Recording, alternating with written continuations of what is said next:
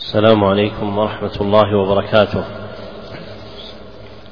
الحمد لله الذي جعل طلب العلم من أجل القربات وتعبدنا به طول الحياة إلى الممات وأشهد أن لا إله إلا الله وحده لا شريك له وأشهد أن محمدا عبده ورسوله صلى الله عليه وسلم ما عقدت مجالس التعليم وعلى آله وصحبه الحائزين مراتب التكريم أما بعد فهذا الدرس الحادي عشر في شرح الكتاب الأول من برنامج التعليم المستمر في سنته الأولى سنة إحدى سنة ثلاثين بعد الأربعمائة والألف وإحدى وثلاثين بعد الأربعمائة والألف وهو كتاب تذكرة السامع والمتكلم للعلامة محمد بن إبراهيم بن جماعة رحمه الله.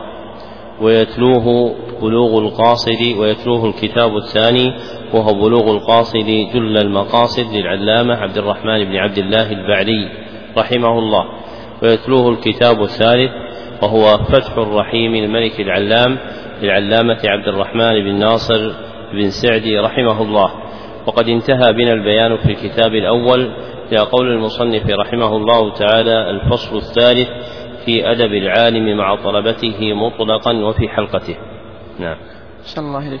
بسم الله الرحمن الرحيم. الحمد لله رب العالمين وصلى الله وسلم على نبينا محمد وعلى آله وصحبه أجمعين.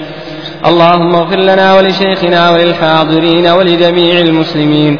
قال المؤلف رحمه الله تعالى الفصل الثالث في أدب العالم مع طلبته مطلقا وفي حلقته. وهو أربعة عشر نوعا الأول أن يقصد بتعليمهم وتهذيبهم وجه الله تعالى ونشر العلم وإحياء الشرع ودوام ظهور الحق وخمول الباطل ودوام خير الأمة بكثرة علمائها واغتنام ثوابهم وتحصيل ثواب من ينتهي إليه علمه من بعدهم وبركة دعائهم له وترحمهم عليه ودخوله في سلسلة العلم بين رسول الله صلى الله عليه وسلم وبينهم وعداده في جملة مبلغي وحي الله تعالى وأحكامه فإن تعليم العلم من أهم أمور الدين وأعلى درجات المؤمنين. قال رسول الله صلى الله عليه وسلم إن الله وملائكته وأهل السماوات والأرض حتى النملة في جحرها يصلون على معلم الناس الخير. لعمري ما هذا إلا منصب جسيم وإن نيله لفوز عظيم. نعوذ بالله من قواطعه ومكدراته وموجبات حرمانه وفواته. لا يزال المصنف رحمه الله تعالى يبين الآداب المتعلقة بالعالم في نفسه ومراعاة طالبه ودرسه وهذا آخر الفصول المتعلقة بها وهو فصل في أدب العالم مع طلبته مطلقا وفي حلقته. وقد عد المصنف رحمه الله تعالى الآداب المتعلقة بهذا الفصل أربعة عشر نوعا. ابتدأها ببيان ما ينبغي أن يكون عليه المعلم في نية تعليمه. فهذه الجملة من كلام المصنف من عيون الإفادات في تحقيق النيات إذ فيها بيان النية التي ينبغي أن تقصد في التعليم. وقد بين رحمه الله تعالى أن اللائق في المعلم في نيته أن يقصد بتعليم المتعلمين وتهذيبهم وجه الله تعالى فيكون الحامل له هو الإخلاص لله عز وجل في تعليم الخلق وتهذيبهم. ويروم من ذلك نشر العلم وبته ونشر العلم وبته وإحياء الشرع وحفظه ودوام ظهور الحق وخمول الباطل ودوام خير الأمة بكثرة علمائها لأن الأمة لا تزال بخير ما بقي فيها العلماء فإن من أشراط الساعة أن يختلس العلم واختلاسه بفقد العلماء في أعيان الخلق ومن سعى في تكثير العلماء فإنه يكون قد وافق مرادا شرعيا في إبقاء العلم في الأمة بتكثير العلماء فيها.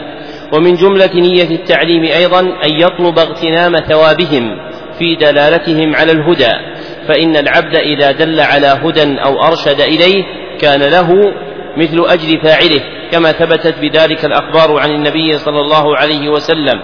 ويطلب تحصيل ثواب من ينتهي إليه علمه من بعدهم فلا تتناهى نيته في طلب هدايتهم إلى أعيانهم بل يلتمس وراء ذلك أن يصل الهدى الذي يعلمهم إياه إلى من وراءهم من الخلائق والقرون ويطلب بركة دعائهم له وترحمهم عليه. فإن دعاء الإخوان مما يرجى إجابته عند الرحمن. فإذا كان من قصد المعلم طلب بركة دعاء هؤلاء وفق الله سبحانه وتعالى الخلائق إلى الدعاء له. والترحم عليه بعد حياته وفي حياته ثم يكون من نيته في التعليم أن ينوي دخوله في سلسلة العلم بين رسول الله صلى الله عليه وسلم وبين وبينهم. وهذه السلسلة إنما يراد بها بلاغ الشرع ولذلك قال المصنف وعداده في جملة مبلغ وحي الله تعالى وأحكامه. فإن سلسلة العلم إنما يراد بها نقل العلم من طبقة إلى طبقة ولو خلت مما تعارف عليه أهل الحديث من أنواع التحمل والأداء. فلو وجد من لقن أحدا علما من العلوم ولم تكن له منه رواية ولا إجازة ولا غير ذلك فإنه يكون قد دخل في جملة سلسلة العلم بين رسول الله صلى الله عليه وسلم وبين الخلق. فإن علم هذه الأمة موروث يأخذه الخالف عن السالف كما قرره الشاطبي رحمه الله تعالى في الموافقات. وليس من شرط توريثه أن تكون ثم علامة للتوريث كإجازة أو رواية أو شهادة بل يكفي وجود العلم منقولا بين طباق الأمة. ثم ذكر رحمه الله تعالى حديثا عن النبي صلى الله عليه وسلم في بيان فضيلة التعليم وهو حديث أبي الدرداء عند الترمذي بهذا اللفظ وفيه إن الله وملائكته وأهل السماوات والأرض حتى النملة في جحرها يصلون على معلم الناس الخير وهو ضعيف بهذا اللفظ والمحفوظ استغفارهم له. كما جاء ذلك عند أبي داود وابن ماجه بسند حسن من حديث أبي الدرداء نفسه. ومعلم الناس الخير هو الذي يرشدهم ويهديهم إليه. وقد ذكر في القرآن في مواضع عدة.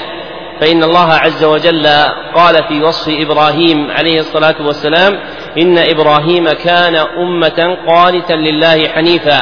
قال ابن مسعود فيما علقه البخاري ووصله الفريابي في تفسيره والحاكم في مستدركه بسند بسند صحيح في تفسير هذه الآية. قال الأمة معلم الخير وكان معاذ بن جبل رضي الله عنه معلما للخير.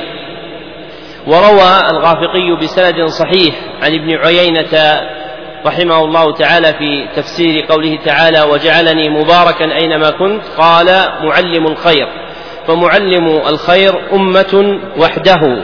لأنه يهدي الناس ويرشدهم ويدلهم إلى الخير وهو مبارك حيثما حل وارتحل. ثم ذكر المصنف رحمه الله تعالى أن هذا المقام منصب جسيم وأن نيله فوز عظيم ذلك أنه وراثة عن النبي صلى الله عليه وسلم فإن الأنبياء لم يورثوا درهما ولا دينارا كما في حديث أبي الدرداء عند الثلاثة. عند الأربعة إلا النسائي وإسناده حسن وإن وراثة الأنبياء إنما تكون بمقام التعليم وما تعلق به كالإفتاء والقضاء ونحوهما وهما متوقفان على وجود علم سابق. ثم ذكر المصنف رحمه الله تعالى أن هذا المنصب الجليل يفقد بآفتين عظيمتين أولاهما الأسباب الخارجية. وأشار إليها بقوله قواطعه ومكدراته وثانيهما الأسباب الداخلية وأشار إليهما بقوله حرمانه وفواته. فالمرء إنما يفقد مقام التعليم بإحدى هاتين الآفتين فإما أن تكون الآفة التي اغتالته هي الأسباب الخارجية وجماعها في القواطع والمكدرات. والفرق بينهما أن القواطع هي التي تمضي عليه وتقطعه عن التعليم بالكلية وأما المكدرات فهي التي تنغص عليه تعليمه فيقوى عليه تارة ويضعف عنه تارة أخرى. وأما الآفة الثانية وهي الأسباب الداخلية فهي التي تتعلق بالمرء نفسه لا بعمل أحد خارج عنه ومردها إلى حرمان نعمة التعليم وفوات حظه منها. فإن الله سبحانه وتعالى جعل هذا المقام مقاما عظيما لكنه يفتقر إلى جهاد صادق. فإنه ليس كل من يروم أن يجلس للناس يستطيع الجلوس وإنما يمد الله سبحانه وتعالى من يجتبيه ويختاره للوراثة عن الأنبياء في البلاغ. وربما حل بالمرء علل وآفات أورثته حرمانا كما قال ابن القيم رحمه الله تعالى في النونية والعلم يدخل قلب كل موفق من غير بواب ولا استئذان ويمنعه المحروم من خذلانه لا تسقن اللهم بالحرمان. وكما يتعثر المرء في مسيرة تعلمه فكذلك يحصل العثار في مسيرة التعليم. وينبغي على العبد أن يعلم أن الطريق صعب ومحتاج إلى الجهاد في العلم تعلما وتعليما. ولذلك أطنب أهل العلم رحمهم الله تعالى في بيان عظيم منفعة الصبر في طلب العلم وتعليمه. فالمرء محتاج في طلبه للعلم إلى صبر عظيم وهو محتاج بعد ذلك في تبليغه وبيانه ونشره وبثه والإفتاء به والقضاء على منواله إلى صبر أعظم من الصبر الأول وليس التعليم شهوة يصيبها المرء فيجد لذتها فإن هذا شيء يجده المرء في أول مبادئ أمره لكن إن لم يكن جهاده صادقا فإنه ربما ترك التعليم واعتل بعلل من العلل التي يعتل بها الخلق إذا كسلوا. فتجد المعلم ينقطع عن التعليم ويقول إن المتعلمين لا نهمة لهم فيه ولا اهتمام منهم بالدرس والتحصيل. وتارة أخرى يقول إن التعليم فرض كفاية وإذا كان في الأمة من يقوم بفرض الكفاية فذلك مغن عن تعليم الخلق. وربما يقول إنه شغل بأمر الدنيا فترك التعليم لأجل ما ورد عليه من أمر الكفاية في حق نفسه وأولاده ومن يعول ويتعلل بعلل كثيرة ولكن الأمر مرده إلى الصدق مع الله سبحانه وتعالى. فينبغي أن يعلم المرء أن طريق العلم يوجب دوام الاتصال بذي الأفضال سبحانه وتعالى وأن المرء لا يصيب حظا من تعلم ولا تعليم إلا بإقباله على الله عز وجل. فكما أن الناس تتفاوت حظوظهم في صلاتهم لله عز وجل كما ثبت عند أبي داود بسند حسن من حديث عمار بن ياسر رضي الله عنه أن النبي صلى الله عليه وسلم قال إن الرجل لينصرف من الصلاة لم يكتب له إلا عشرها تسعها ثمنها الحديث حتى ذكر نصفها فكذلك حظهم من صلاة القلب وهي العلم يكون على هذا المنوال فمستقل ومستكثر وكل ذلك في البابين جميعا تعلما وتعليما. نسأل الله سبحانه وتعالى بفضله ومنه أن يجعلنا من أهل العلم والتعليم وأن يوفقنا للفهم والتفهيم وأن يجعله دليلا ومرشدا لنا إلى جناته جنات النعيم. نعم. صلى الله عليه الثاني ألا يمتنع من تعليم الطالب لعدم خلوص نيته فإن حسن النية مرجو له ببركة العلم. قال بعض السلف طلبنا العلم لغير الله فأبى أن يكون إلا لله. قيل معناه فكان عاقبته أن صار لله ولأن إخلاص النية لو شرط في تعليم المبتدئين فيه مع عسره على كثير منهم لأدى ذلك إلى تفويت العلم كثيرا من الناس. لكن الشيخ يحرض المبتدئ على حسن النية بتدريج قولا وفعلا ويعلمه بعد أنسه به أنه ببركة حسن النية ينال الرتبة العلية من العلم والعمل وفيض اللطائف وأنواع الحكم وتنوير القلب وانشراح الصدر وتوفيق العزم وإصابة الحق وحسن الحال والتسديد في المقال وعلو الدرجات يوم القيامة. ذكر المصنف رحمه الله تعالى أدبا آخر من آداب العالم مع طلبته وهو ألا يمتنع من تعليم الطالب لعدم خلوص نيته. فإذا اطلع بقرينة ما أن المتعلم غير خالص النية في طلبه فلا ينبغي له أن يمتنع من تعليمه. لأمرين اثنين ذكرهما المصنف رحمه الله تعالى. أولهما حسن النية مرجو ببركة العلم كما قال المصنف فإن المرء تحسن نيته بعد ببركة ما تعلمه من العلم وهذا معنى قول جماعة من السلف طلبنا العلم لغير الله فأبى أن يكون إلا لله أي طلبناه وليس لنا نية فيه ثم حدثت النية ببركة العلم كما ذكر هذا المعنى جماعة من أهل العلم رحمهم الله تعالى كأبي العباس بن تيمية وتلميذه أبي عبد الله الذهبي في آخرين. وثانيهما أن إخلاص النية لو شرط في تعليم المبتدئين لأدى ذلك إلى تفويت العلم عن كثير من الناس وعلة ذلك عسر الإخلاص على المتعلمين في المبادئ كما قال المصنف مع عسره على كثير منهم. وعسر الإخلاص في المبادئ يرجع إلى أمرين اثنين. ذكرهما الحسين بن منصور في كتاب آداب العلماء والمتعلمين. أولهما ضعف نفوسهم فإن المبتدئ في طلب العلم يكون ضعيف النفس. كما أن المولود إذا ولد أول أمره يكون ضعيف البدن. وكذلك المطالب القلبية.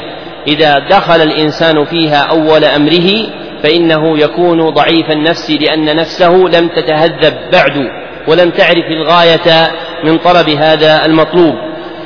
وثانيهما قلة أنسهم بموجبات تصحيح النية. قلة أنسهم بموجبات تصحيح النية. أي لا علم لهم ولا معرفة عندهم بما يتحقق به تصحيح نياتهم فأنسهم بها قليل لعدم المعرفة. فلأجل هذين الأمرين صار تصحيح النية في المبادئ عسيرا وإذا أخذ الناس بهذا فات العلم كثيرا منهم كما قال المصنف. والمخرج من ذلك أن يلازم المعلم تحريض المبتدئين على حسن النية بتدريج قولا وفعلا فيرغبه في تصحيح نيته ويعلمه أنه ببركة حسن النية ينال الرتبة العلية من العلم والعمل وفيض اللطائف وأنواع الحكم وتنوير القلب وانشراح الصدر إلى آخر ما ذكر المصنف. فهذه المنالات القلبية لا تنال بقوة ذهن ولا بجودة فهم وإنما تنال ببركة حسن النية. فإن المرء إذا حسنت نيته قدر على أمور لا يقدرها بدون حسنها. والعرب تقول النية مطية فمن استسمن مطيته بلغته مأمنة ومن كان ذا مطية هزيلة انقطعت به في الطريق. وأعون شيء على إيصال العبد إلى مطلوباته هو تصحيح نياته فإن المرء إذا صحت نيته وثقت صلته بربه واستحكم إقباله عليه فأعانه الله سبحانه وتعالى وسدده. وكم من امرئ عد في أول أمره بليدا لقلة حفظه وضعف فهمه فما هي إلا مدة يسيرة مع حسن النية وبركتها حتى قوي حفظه وجاد فهمه. فمدار الأمر على الإخلاص والنية. فبالإخلاص والنية ينال المرء المراتب العلية. نعم. الله إليك الثالث أن يرغبه في العلم وطلبه في أكثر الأوقات بذكر ما أعد الله تعالى للعلماء من منازل الكرامات وأنهم ورثة الأنبياء وعلى منابر من نور يغبطهم الأنبياء والشهداء.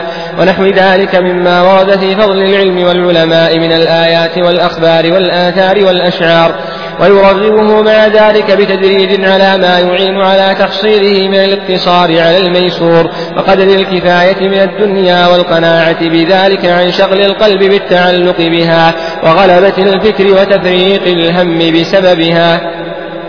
فإن انصراف القلب عن تعلق الأطماع بالدنيا والإكثار منها والتأسف على فائتها أجمع لقلبه وأروح لسره وأشرف لنفسه وأعلى لمكانته وأقل لحساده وأجدر لحفظ العلم وازدياده ولذلك قل من نال من العلم نصيبا وافرا إلا من كان في مبادئ تحصيله على ما ذكرت من الفقر والقناعة والإعراض عن طلب الدنيا وعرضها الفاني وسيأتي في هذا النوع أكثر من هذا في أدب المتعلم إن شاء الله تعالى. ذكر المصنف رحمه الله تعالى أدبا آخر من آداب العالم مع طلبته وهو أن يرغبهم في العلم وطلبه في أكثر الأوقات ويحضهم عليه بذكر ما له من الفضائل والمقامات وعظيم منازل الكرامات. وأنهم ورثة الأنبياء وعلى منابر من نور يغبطهم الأنبياء والشهداء. وأعظم محرك ينبغي أن يلاحظه طالب العلم في سوق نفسه إليه أمران اثنان. أحدهما النظر في فضائل العلم فإن من نظر في فضائل العلم مرة بعد مرة تحركت همته إلى طلبه فإنه إذا وقف على ما أعد الله سبحانه وتعالى لهم في الدنيا من الذكر الجميل وفي الآخرة من الثواب الجزيل طمعت نفسه إلى أن يكون من جملتهم. وثانيهما أن يدمن النظر في سير الماضين من أهل العلم وحملته فإن المرء إذا أدمن النظر في سير أولئك القوم وأوقف نفسه على جهادهم في طلب العلم تحركت نفسه للاقتداء بهم. فإن المحب للصالحين تحركه سيرهم إلى أن يشابههم فيما كانوا يفعلون. ويهون عليه هذا الأمر ما يجده من غربة بين الخلق. فإن المرء إذا افتقد أقرانا يشاركونه الصنعة التي يحترف فيها تغيرت نفسه وانقبض خاطره. فإذا طالع حال من سبق ممن يشاركه صناعة العلم قوى ذلك نفسه. وفي ذلك يقول ابن القيم رحمه الله تعالى إذا رأيت غربتك في الطريق فانظر إلى السابقين من الأنبياء والعلماء والصالحين والشهداء وحسن أولئك رفيقا. انتهى كلامه. فإن المرء إذا نظر بعين البصيرة إلى أحوالهم ومقاماتهم وما كانوا عليه هانت عليه الغربة التي يجدها في الدنيا لأن المتشبه بالكرام على فلاح كما قال الشاعر فتشبهوا إن لم تكونوا مثلهم إن التشبه بالكرام فلاح. ثم ذكر المصنف رحمه الله تعالى مما يندرج في هذا الأدب أن يرغب المعلم المتعلمين بالاقتصار على الميسور وقدر الكفاية من الدنيا والقناعة بذلك لأن الدنيا غرارة حلوة خضرة. إذا استولت على القلب جرفته إلى تيارها. والأمر كما قال المصنف رحمه الله تعالى معللا قال فإن انصراف القلب عن تعلق الأطماع بالدنيا والإكثار منها والتأسف على فائدها أجمع لقلبه أي أجمع لقلبه على طلب مقصوده وأروح لسره أي أكثر إراحة لباطنه من شغله بما يقطعه وأشرف لنفسه وأعلى لمكانته وأقل لحساده وأجدر لحفظ العلم وازدياده فإن المرء إذا قل حظه من الدنيا وكف نفسه عنها استراحت نفسه من طلابها وجمع وجمع قلبه على المقصود الأعظم الذي يروم نيله من العلم.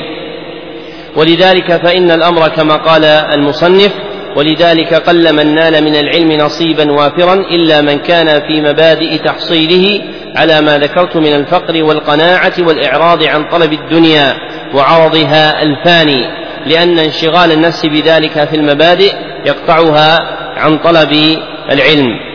نعم. الله إليك. الرابع أن يحب لطالبه ما يحب لنفسه كما جاء في الحديث ويكره, ويكره له ما يكره لنفسه. قال ابن عباس رضي الله عنه أكرم الناس علي جليس الذي يتخطى رقاب الناس إلي. لو استطعت أن لا يقع الذباب عليه لفعلت. وفي رواية إن الذباب ليقع عليه فيؤذيني وينبغي أن يعتني بمصالح الطالب ويعامله بما يعامل به أعز أولاده من الحنو والشفقة عليه والإحسان إليه والصبر على جفاء ربما وقع منه ونقص لا يكاد يخلو الإنسان عنه وسوء أدب في بعض الأحيان ويبسط عذره بحسب الإمكان ويوقفه مع ذلك على ما صدر منه بنصح وتلطف لا بتعنيف وتعسف قاصدا بذلك حسن تربيته وتحسين خلقه وإصلاح شأنه فإن عرف ذلك لذكائه بالإشارة فلا حاجة إلى صريح العبارة وإن لم يفهم ذلك إلا بصريحها أتى به وراعى التدرج في التلطف ويؤدبه بالآداب السنية ويحرضه على الأخلاق المرضية ويوصيه بالأمور العرفية على الأوضاع الشرعية.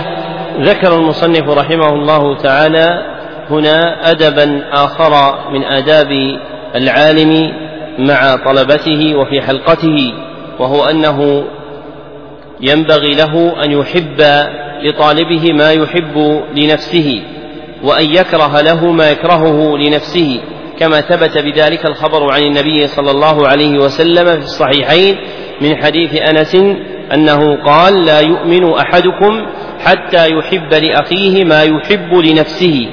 وهذا التركيب موضوع في لسان الشرع للدلالة على الوجوب كما ذكر ذلك أبو العباس بن تيمية في كتاب الإيمان وحفيده بالتلمذة أبو الفرج بن رجب في كتاب فتح الباري. فكل حديث جاء مبدوءا بهذا البناء لا يؤمن أحدكم فإن المذكور فيه واجب. فيجب على العبد أن يحب لأخيه ما يحب لنفسه. وقد جاء عند النسائي التصريح بالمحبوب وتعيينه وهو الخير. فعند النسائي حتى يحب لأخيه ما يحب لنفسه من الخير.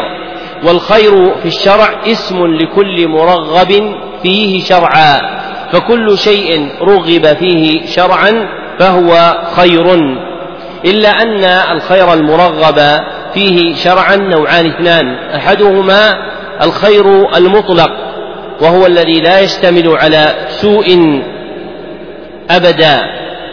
والثاني الخير المقيد وهو ما يكون خيرا من وجه دون وجه. فمن الأول مثلا إقامة الصلوات ومن الثاني مثلا المال والأولاد. فإن إقامة الصلاة وطلب العلم من الخير المطلق.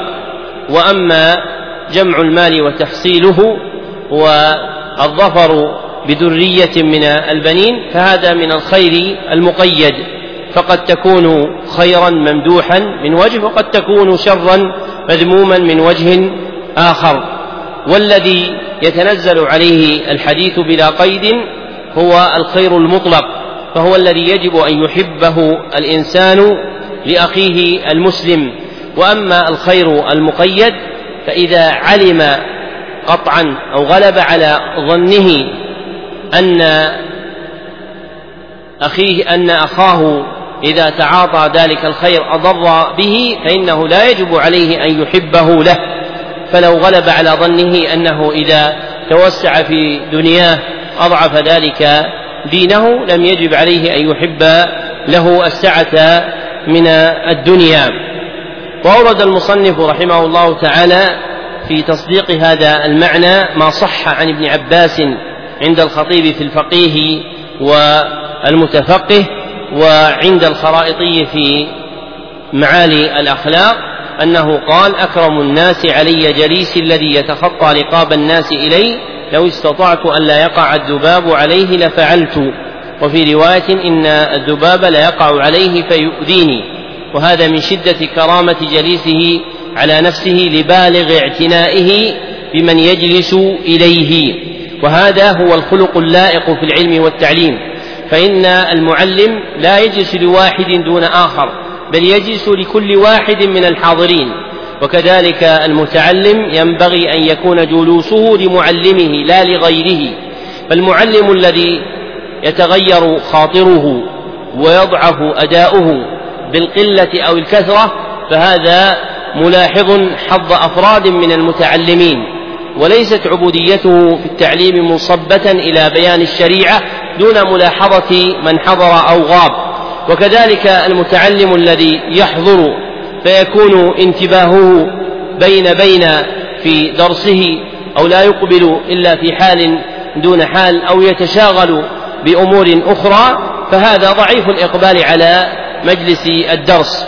وكلما كمل الاهتمام بين المعلم والمتعلم كمل الانتفاع. وكلما ضعف الاهتمام من أحدهما أضر بالآخر. فإن العلم مبني على اتصال الأحوال وليس على مجرد الصور. فإن المعلم إذا أقبل بقلبه قاصدا تعليم المتعلمين تقربا إلى الله سبحانه وتعالى مستعينا بكل سبب وأقبل عليه المتعلمون مع تصحيح النيات بكل ما يستطيعون أعانهم الله سبحانه وتعالى ويسر لهم الحصول على العلم. وإذا ضعف هذا الأمر في هذا أو ذاك أضر في مقابله. ثم ذكر المصنف رحمه الله تعالى مما يلتحق بما مضى أنه ينبغي للمعلم أن يعتني بمصالح الطالب وأن يعامله بما يعامل به أعز أولاده من الحنو أي العطف. والشفقة عليه والإحسان إليه.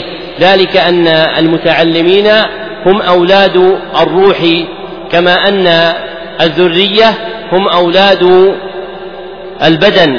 فالمرء ينسب إليه أولاد من ذريته أصابهم بنكاح مشروع وكذلك ينسب للمعلم أولاد من تعليمهم يلتحقون به بجامع ما شرف به أرواحهم من التعليم والبيان.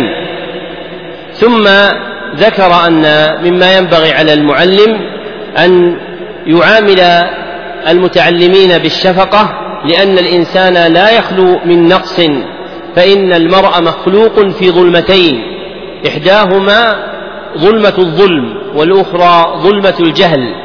كما قال الله سبحانه وتعالى وحملها الإنسان إنه كان ظلوما جهولا. فمن خلق في هاتين الظلمتين فإنه ناقص ولا ريب. فيحتاج إلى تهذيب وتأديب وإرشاد وتعليم يعامل في كل أمر بما يليق به وأولى ذلك أن يوقفه على ما صدر منه بنصح وتلطف لا بتعنيف وتعسف.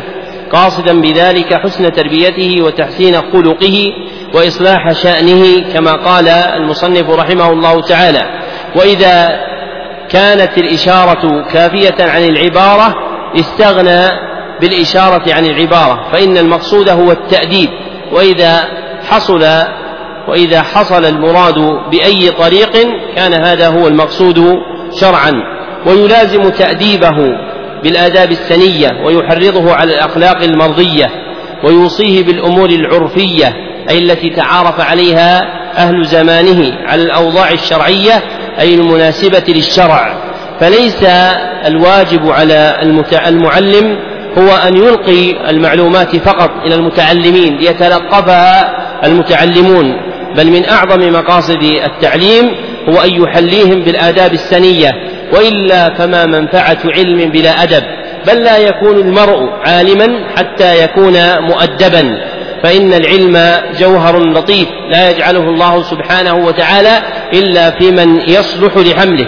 وإذا كان أحدنا يأنف أن يزوج ابنته أو يضع ماله عند سيء أدب فإن غيرة الله أعظم في أن يجعل العلم عند سيء أدب.